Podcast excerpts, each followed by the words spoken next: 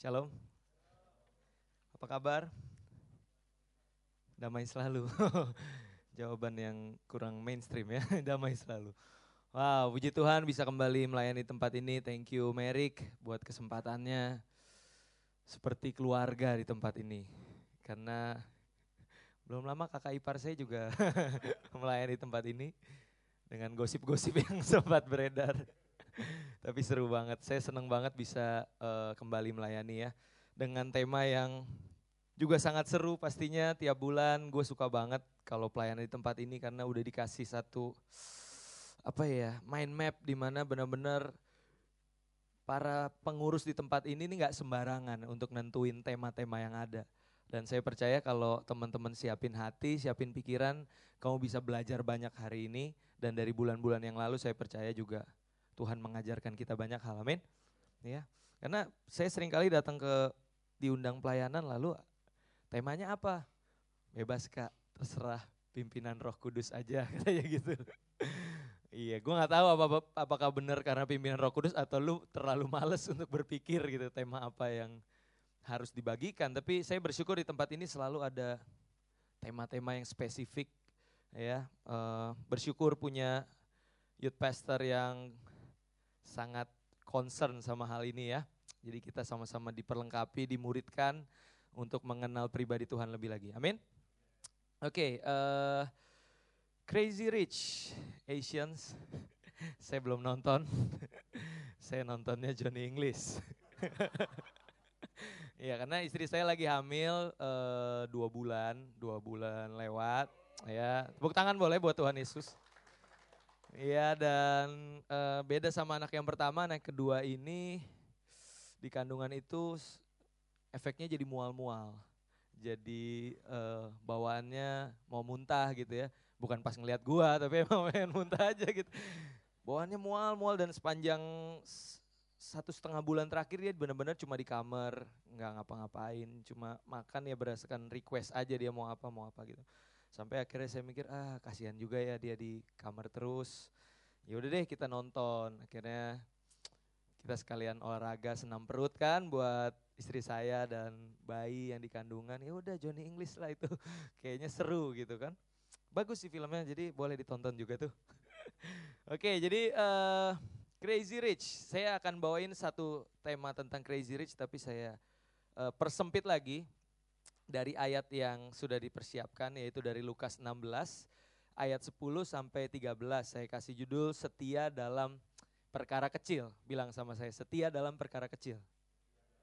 Ya, kita buka Alkitab kita Lukas 16 ayat 10 sampai 13.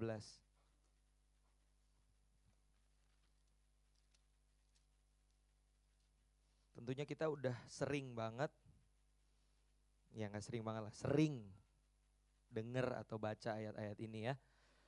Kita akan baca uh, ayat per ayat dari 10 sampai 13. Kita akan kulik satu-satu ya. Kita baca bareng ayat yang ke-10.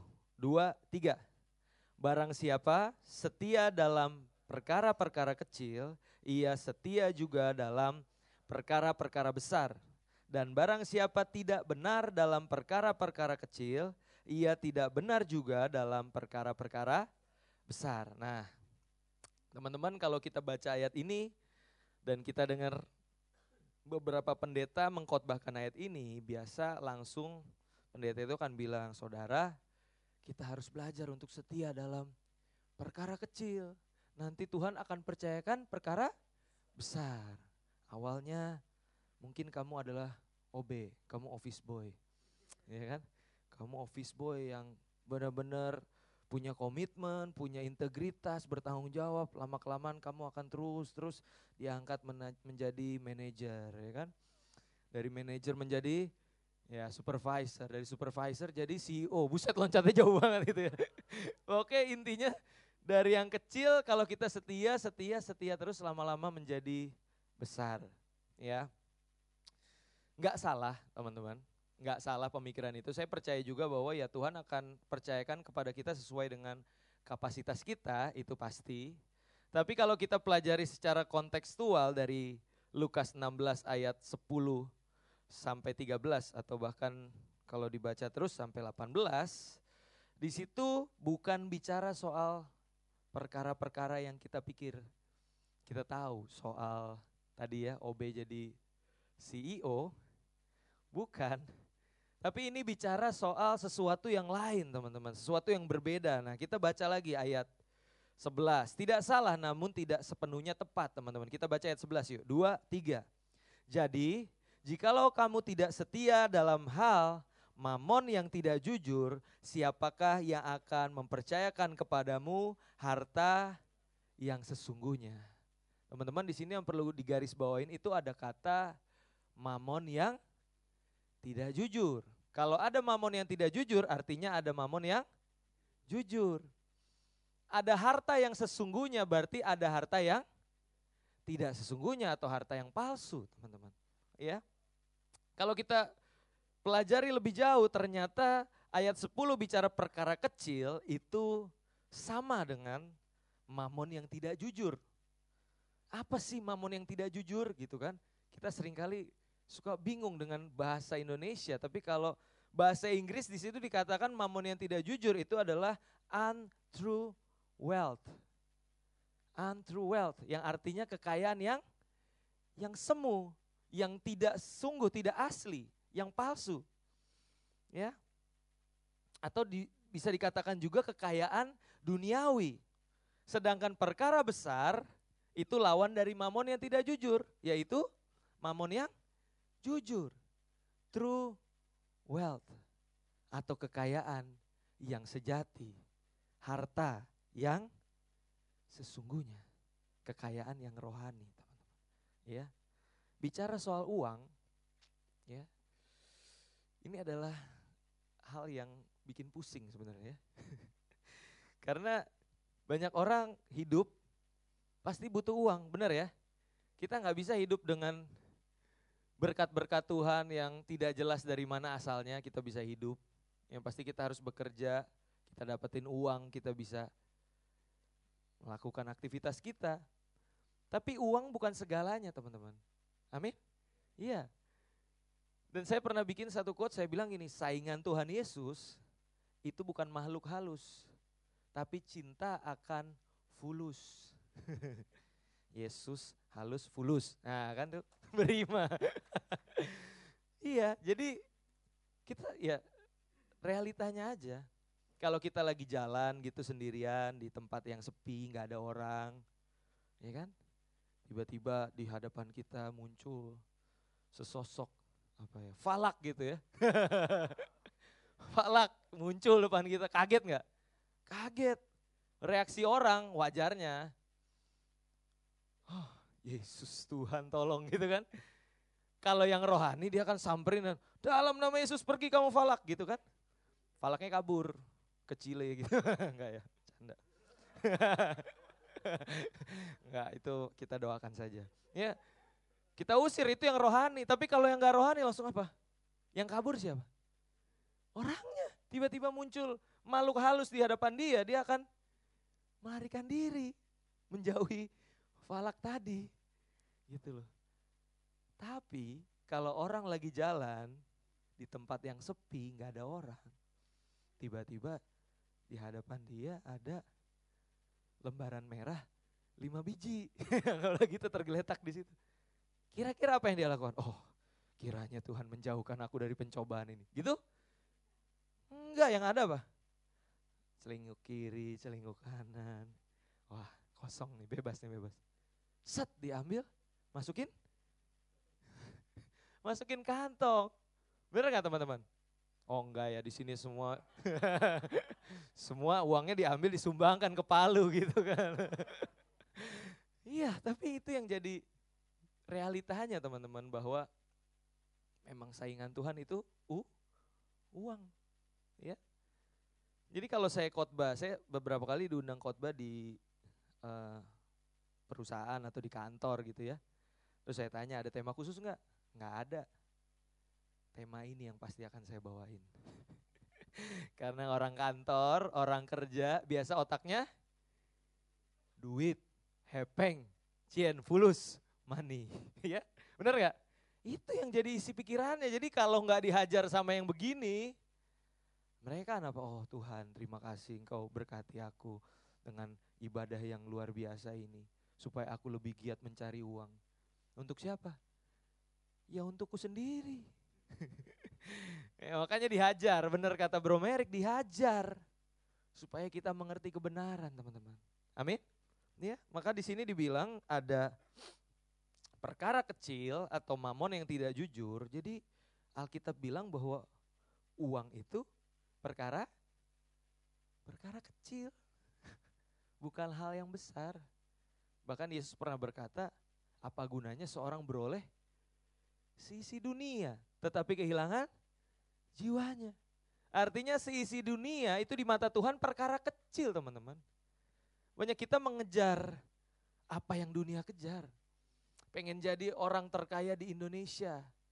Nomor satu gitu kan. Buat apa kalau kita kehilangan jiwa kita? Karena bagi Tuhan perkara besar itu adalah tinggal bersama-sama dengan Yesus selamanya di surga. That's the big deal. Kalau duit, kalau soal kekayaan, saham, obligasi, Itu perkara kecil teman-teman. Dolar juga. Walaupun sekarang 15 ribu ya kan. Itu masih perkara kecil. Ya, perkara besar adalah yaitu kekayaan yang sejati. Ya, bersama Yesus nanti kekayaan rohani kita. Amin. Aminnya pelan nih. Iya. Nah, kenapa kekayaan yang palsu ya? Kenapa disebut mamon yang tidak jujur? Kenapa uang itu disebut Mamon yang tidak jujur teman-teman. Karena uang itu bisa membeli segala sesuatu di dunia ini, benar nggak? Nggak punya mobil, punya uang, beli mobil. Nggak punya rumah, punya uang, beli rumah. Nggak punya kapal pesiar, punya uang, beli kapal pesiar. Nggak punya wajah yang cantik, situ lagi. Ah, punya uang bisa bisa ya mempercantik diri gitu kan. Uang tuh bisa membeli segala sesuatu di dunia ini, bahkan hukum pun bisa di dibeli. Makanya penjara bagi beberapa orang bukan penjara, tapi kayak hotel gitu kan, kayak kamar hotel. Kenapa? Karena segala sesuatu bisa dibeli dengan uang, itu kenyataan. Tapi kenapa disebut kekayaan yang palsu? Karena pada akhirnya ketika kita berjumpa dengan hakim di atas segala hakim yang akan menggelar penghakiman terakhir. Selama hidup kita pikir semua bisa kita selesaikan dengan uang, tapi pengadilan yang ini nggak bisa selesai dengan uang. Nggak bisa selesai dengan uang. Dan betapa rusaknya hati manusia ketika uang itu selalu menjadi kekuatan dia, menjadi andalan dalam hidupnya. Dan ketika dia datang berjumpa muka dengan muka dengan Tuhan, lalu Tuhan bilang, apa yang kamu punya? Dan dia bilang, uang yang banyak Tuhan. Dan Tuhan bilang bukan itu. Amin. Iya. Jadi hati-hati teman-teman. Alkitab mencatat hati-hati dengan yang namanya tipu daya kekayaan. Karena banyak orang berpikir kalau dia punya uang, hatinya jadi lebih tenang. Lihat rek, lihat rekening, nolnya banyak, hati tenang, ya kan? Ada satu sukacita gitu kan. Iya coba kalau udah mulai menipis, ya nggak nolnya gelinding berapa gitu kan. Jadinya terharu kan bawaannya. itu yang terjadi teman-teman ya. Dan itu yang disebut tipu daya kekayaan. Jadi hati-hati. Orang Kristen bukan nggak boleh kaya, tapi keinginan untuk menjadi kaya itu yang bahaya teman-teman. Ya, cinta akan uang, akar segala kejahatan. Ya, Uang gak bisa nolong kita, uang gak bisa membeli keselamatan. Saya suka banget lagu-lagu tadi tuh bener-bener grace banget gak sih? Penekanannya dikasih karunia banget gak sih?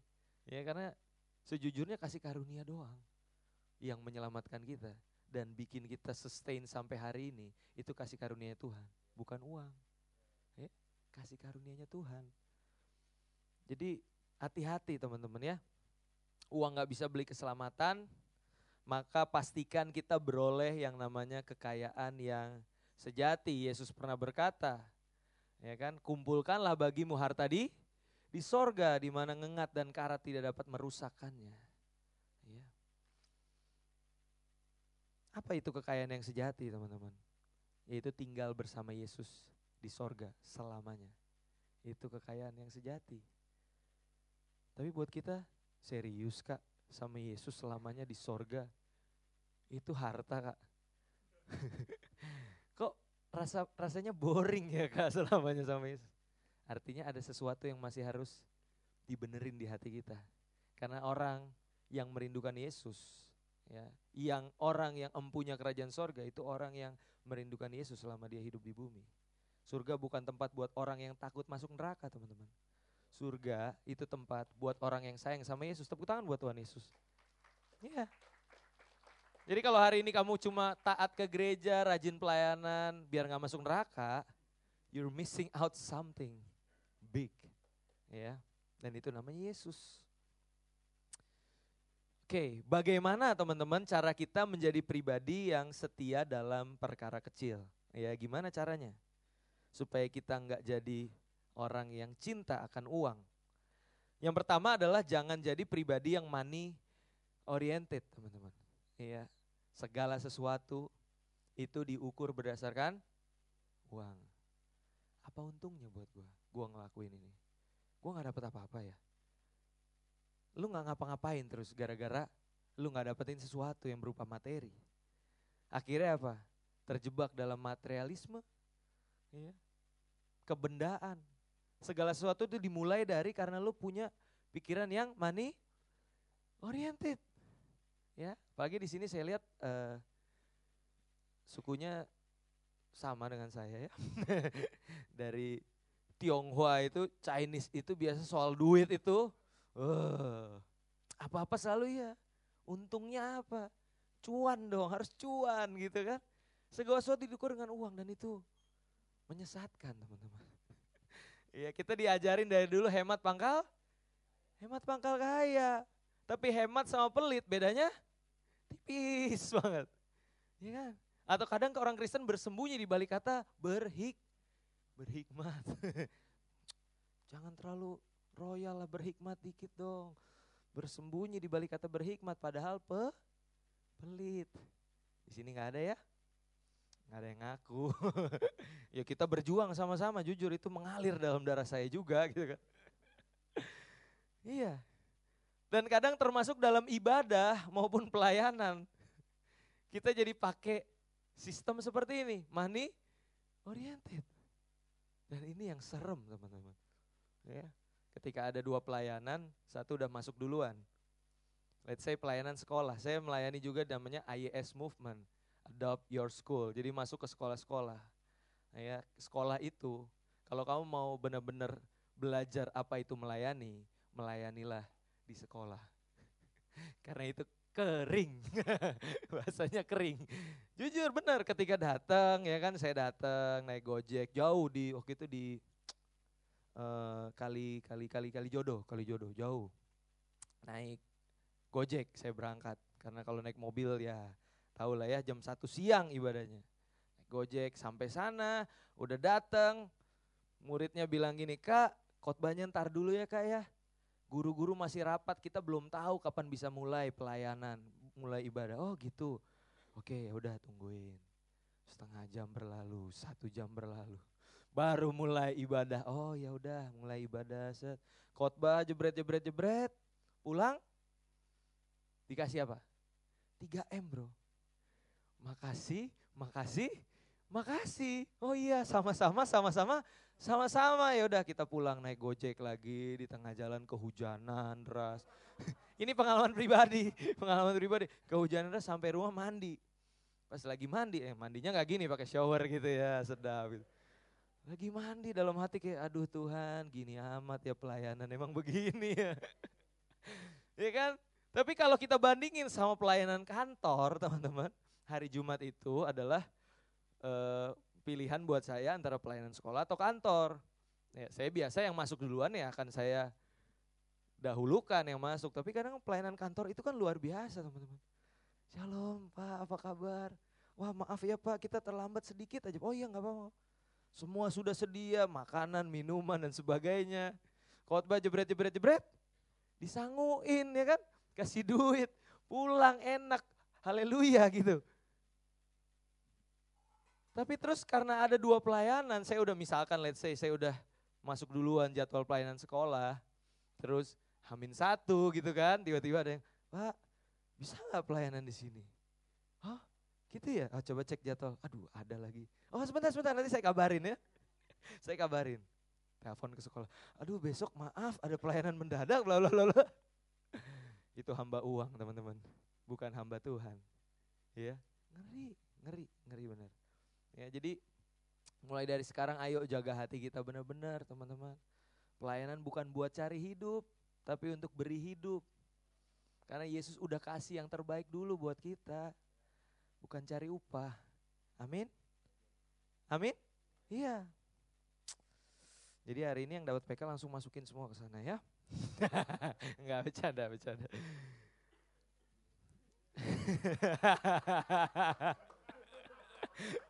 Enggak, enggak, enggak. Itu sesuai kerelaan hati masing-masing. Salah ngomong gue. yang kedua teman-teman, yang kedua. Yang kedua itu bicara soal motivasi dalam berbisnis atau berusaha. Itu semua untuk kemuliaan Tuhan. Artinya jangan demi mencari keuntungan kamu menipu orang. Ya, kamu buka bengkel mungkin, deal mobil, motor gitu kan. Kok harga berapa nih kok? Ah, jebret sekian gitu. Serius nih kok, iya cek aja toko sebelah gitu. Iya segitu kok harganya. Ternyata harganya udah lu markup berkali-kali lipat gitu kan. Maksudnya bukan nggak boleh cari untung, tapi ya mbok cengli lah gitu lah ya. Kalau harga sekian ya keluarin sekian gitu. Jangan demi keuntungan lu mulut manis di depan tapi ternyata barangnya nggak bagus. Ya lu ngerti lah soal-soal kayak gini lah, relate banget dalam hidup kita ya. Iya, berikan servis yang terbaik, jangan setengah-setengah. Jangan karena tanda kutip lu merasa bayarannya kurang, jadi lu ngasih setengah juga. Ingat kalau setiga ayat, dua tiga. Lakukan segala sesuatu dengan segenap hati seperti untuk Tuhan. Bukan untuk manusia, bukan untuk u uang. Ya.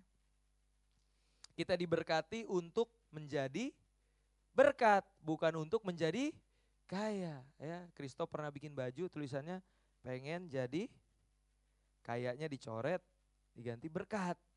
Gitu. Hashtag gitu maksudnya.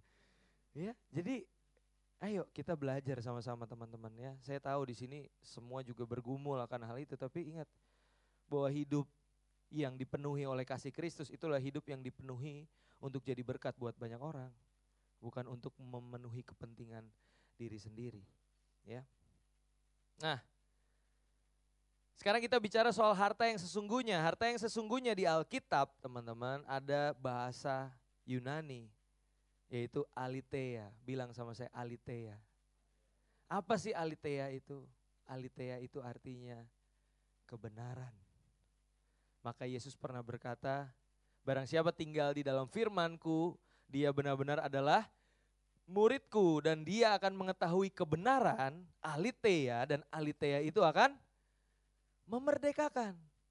Kebenaran yang membawa kemerdekaan, kemerdekaan teman-teman, ya. Sesuatu yang sifatnya rohani. Nah, teman-teman kalau pola pikir kita mengenai uang atau perkara yang kecil atau mamon yang tidak jujur, kekayaan yang palsu itu masih salah, masih matre, masih pikirannya dikit-dikit duit, siapa yang akan mempercayakan kepadamu harta yang sesungguhnya? Ya. Ya, 12 bilang gitu, jikalau kamu tidak setia dalam harta orang lain, siapakah yang akan menyerahkan hartamu sendiri kepadamu. Jikalau ayat 11, jikalau kamu tidak setia dalam hal mamon yang tidak jujur, siapakah yang akan mempercayakan kepadamu alitea atau kebenaran. Jadi nggak heran teman-teman orang boleh puluhan tahun, belasan tahun duduk di gereja dengerin khotbah, tapi kalau pikirannya itu cuma isinya harta duniawi, Tuhan nggak percayain kebenaran yang sejati. Ya. Yohanes 2 ayat 24 sampai 25. Yuk kita tahan Lukasnya ya. Kita ke Yohanes. Yohanes 2 ayat 24 dan 25. Saya bacain ya. Tetapi Yesus sendiri tidak apa? mempercayakan dirinya kepada mereka karena ia mengenal mereka semua. Dan karena tidak perlu seorang pun memberi kesaksian kepadanya tentang manusia, sebab ia tahu apa yang ada di dalam hati manusia. So teman-teman ini penting banget buat kita refleksikan dalam hidup kita. Sudahkah Tuhan itu kita dahulukan lebih daripada uang? Karena kalau mindset kita masih salah soal hal ini, kita masih matre, Tuhan gak percayain dirinya kepada setiap kita. Makanya saya termasuk orang yang sering menyuarakan soal teologi kemakmuran teman-teman. Banyak orang datang ke gereja, pengen cari Tuhan. Tapi kalau dari mimbar diceritain Yesus yang lain, Injil yang lain, Kasihan orang itu. Dia tulus mau cari Tuhan, tapi malah dikasih yang lain. Dan akibatnya hatinya penuh dengan ketamakan, hatinya penuh dengan kecintaan akan uang. Dan Yesus tidak bisa mempercayakan dirinya kepada orang-orang tersebut. Dan hal pertama yang akan dihakimi adalah mimbar ini. Ketika mimbar ini bukannya menceritakan tentang kasih Yesus, bukan menceritakan tentang kemuliaan Yesus, tapi malah mengipasin jemaat untuk mengejar kecintaan akan dunia. Ya, ngerti ya? Iya. Bahkan seorang yang namanya Paul Washer, salah satu pengkhotbah yang kalau lu denger dia itu kayak dia bawa mesin gun, tau lu dibantai langsung sama dia. Dia bilang gini, lo tau gak hukuman buat orang yang matre. Hukuman buat orang yang pikirannya cuma duit. Itu pembicara-pembicara yang ngomonginnya soal duit, itu hukuman buat mereka. Mereka dapetin apa yang mereka mau. Ngeri ya? Jadi semua sunyi nih di sini. iya, jujur aja teman-teman, kita harus mulai pintar dalam memilah-milih ya mana kebenaran yang harus kita terima jangan semua di diaminin. Ya pendeta ngomong apa amin amin amin. Apalagi kalau berkat kan amin amin amin. Sangkal diri pikul salib aman aman aman. Yuk balik ke Lukas balik ke Lukas. Lukas 16 tadi ya. Dua ayat lagi teman-teman. Lukas 16 Yuk, ayat 12 ya. Kita baca bareng, dua, tiga. Dan jikalau kamu tidak setia dalam harta orang lain, siapakah yang akan menyerahkan hartamu sendiri kepadamu? Artinya apa teman-teman? Semua yang kita punya hari ini, kekayaan yang kita punya hari ini, itu hartanya orang orang lain. Kalau kamu baca di perikop atasnya soal perumpamaan tentang bendahara yang tidak jujur bicara soal bendahara, dia pegang uang, benar ya? Tapi uangnya dia bukan. Bukan. Uang majikannya, uang bosnya. Ya. Begitupun dengan hidup kita hari-hari ini teman-teman. Semua yang kita punya hari ini, bukan cuma persepuluhan punya Tuhan, tapi semua yang kita punya, itu punya Tuhan. Jadi jangan pernah beri, oh Tuhan utang gue udah lunas, 10% gue udah setor sama lo ya, 90-nya suka-suka gue. No. Tapi ketika kita menyadari kebenaran ini, kita mulai bertanya Tuhan, Tuhan, uang yang engkau percayakan kepadaku, apa yang harus aku lakukan dengan ini? Karena ini kepercayaan yang engkau kasih sama aku. Amin? Iya. Harta yang kita miliki saat ini semuanya milik Tuhan. Kita hanyalah bendahara yang mengelola uang majikan kita. Jangan sampai nanti hari di mana Yesus datang itu bukan hari yang penuh dengan sukacita, tapi kita kayak ditangkap sama KPK, teman-teman. Aduh, ke gap deh duitnya. Pakai buat apaan aja gitu kan? Iya, jadi hidup di dalam satu tanggung jawab karena ini harta bukan punya kita tapi punya Tuhan. Dan kalau semua yang kita punya ini bukan punya kita tapi punya Tuhan, apa hak kita untuk menyombongkan diri. Karena biasa orang kaya jalannya makin makin tegap, dompet makin ke belakang, dada makin bidang gitu kan. Iya, apa yang bisa kita sombongkan kalau semua ini hanya titipan teman-teman. Ya, colek kanan kirinya bilang jangan sombong. Ntar somplak gitu. iya, jangan ya. Semua yang kita punya itu punyanya Tuhan ya. Dan di situ dibilang, nih catat baik-baik teman-teman. Siapakah yang akan menyerahkan hartamu sendiri kepadamu? Oke, kalau kita bisa dipercaya dalam hal harta yang adalah titipan, Tuhan bilang, gue akan percayain harta lu sendiri. Dan harta lu sendiri itu bukan bicara apa, tetapi siapa. Seperti pemazmur berkata yang biasanya lagunya kita nyanyiin buat persembahan. Hanya kau milikku di surga. Tiada yang ku ingini di bumi, hanya kau. Terus malaikat nyautin, ah masa, ah masa, ah bohong, ah bohong gitu, ah gombal. Eh pemasmur sampai level itu loh teman-teman. Bahwa dia bilang apa yang ku ingini hanya engkau. Ya nggak ada yang lain Tuhan. Tapi kita banyak keinginan ya. Sepatu baru, pacar baru. iya, manusia, manusia ya punya banyak keinginan. Harta kita nanti tersimpan di sorga namanya Yesus teman-teman. Ya, kenapa? Bukan apa tapi siapa? Karena di sorga emas itu diinjak-injak. Emas itu nggak ada harganya. Sekarang di dunia dipere, diperebutkan kan. Orang gila emas, pagi emak-emak. iya, tapi di sorga nggak ada harganya teman-teman. Nah yang jadi pertanyaan buat kita, sudahkah Yesus menjadi harta dalam hidup kita? Ya, kekristenan bicara tentang itu kok. Relationship, benar-benar nggak Yesus itu jadi sesuatu yang lu ingini, sesuatu yang lu idamkan sesuatu yang lu nikmati. Karena kalau enggak, membosankan sekali. Ya, membosankan sekali kekristenan kita. Maka caranya gimana ya kenali pribadi Yesus lebih lagi teman-teman. Ya, sedikit aja kemuliaan Tuhan itu dinyatakan dalam hidup kita, gua rasa itu cukup untuk bikin kita jatuh cinta sama dia. Iya.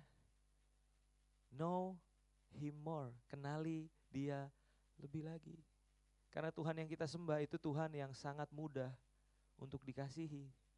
Ya, ketika ada Tuhan yang bilang, taati perintahku, jauhi laranganku. Kalau kamu nggak bisa, gue lempar lu ke neraka. Dia duduk di atas ongkang-ongkang kaki. Tapi ada Tuhan yang tahu kita nggak bisa sampai sana. Dia dia tahu kita jauh dari sempurna. Makanya dia turun, tinggalin surga.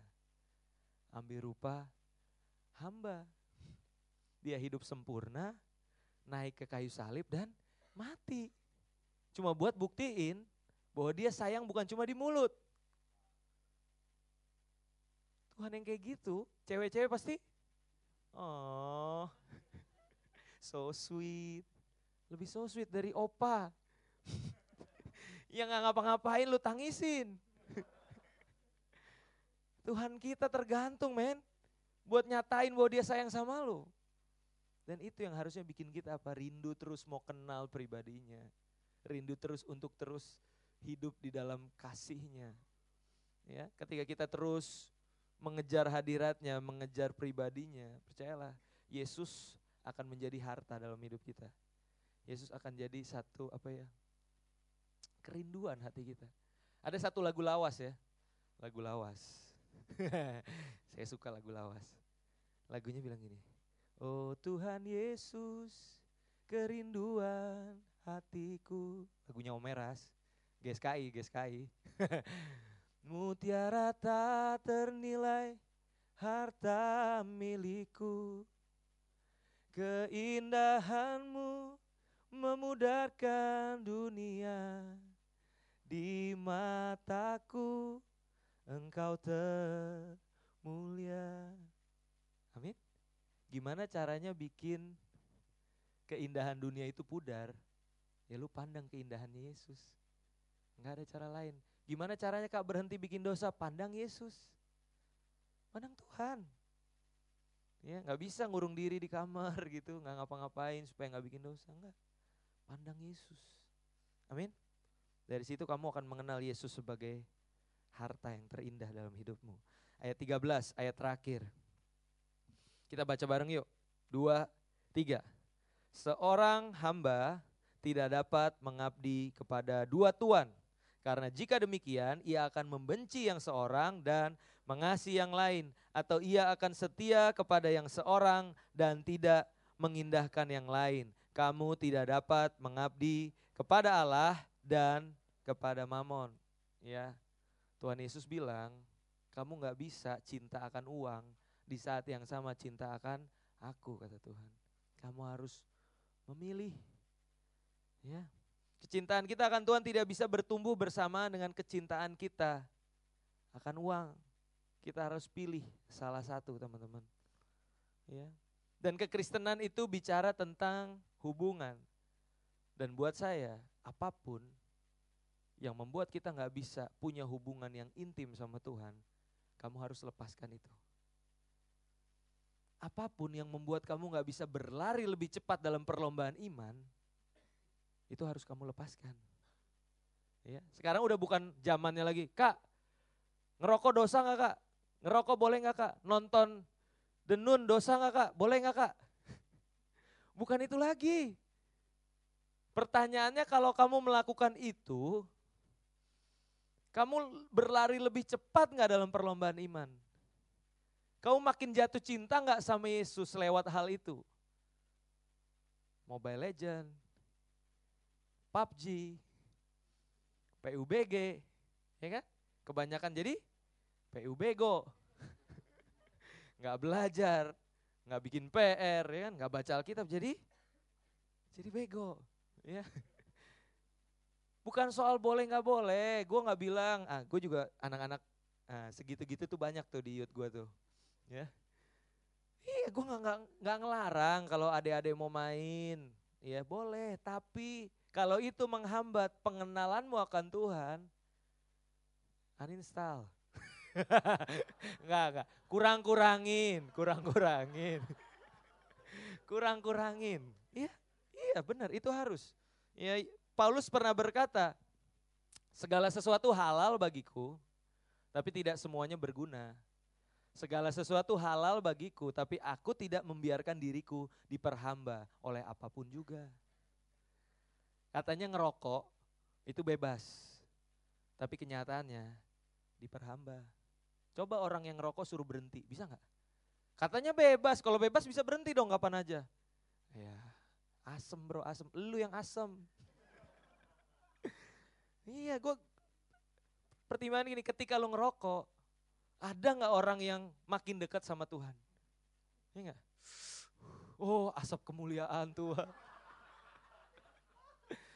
Lu baru mau nginjil ya bro, lu tahu Yesus, apaan sih lu asap lu ganggu? Lu ditinggal, belum sempat cerita Yesus. Halo? Iya berguna gak sih? Nonton film horor, berguna gak? Oh itu melatih iman kak kepada Yesus. Biar iman kita kuat. Ngaco. Yang ada apa? Lu masuk kamar mandi, lampu gelap, ketakutan kan lu? Aduh, aduh. Ke kuburan, lewat kuburan, Assalamualaikum, anak babi mau lewat gitu. Come on, gak ada yang dibangun dari hal itu. Yang ada kita jadi penah, penakut. Lebih gampang ngerasain hadiratnya, nya huruf kecil daripada hadiratnya. Eh, dikit-dikit, aduh merinding, ada apa nih, ada apa. Di gereja lo gak pernah merinding. Bukan karena AC-nya kurang dingin. Lu nya lebih suka hadirat si setan. Aduh, falak, falak. ya, jadi apa pun teman-teman, gue gak bilang boleh atau gak boleh, tapi kamu dipercayakan Tuhan hati nurani, ada roh kudus, ada firman Tuhan.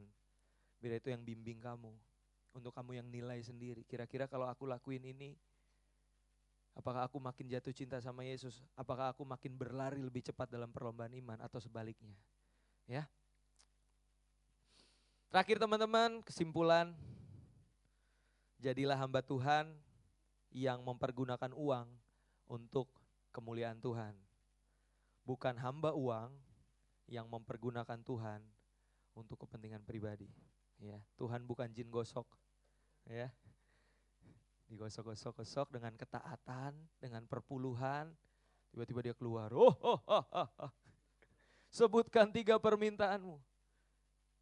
Iya banyak anak Tuhan, katanya anak Tuhan, memperlakukan Tuhan.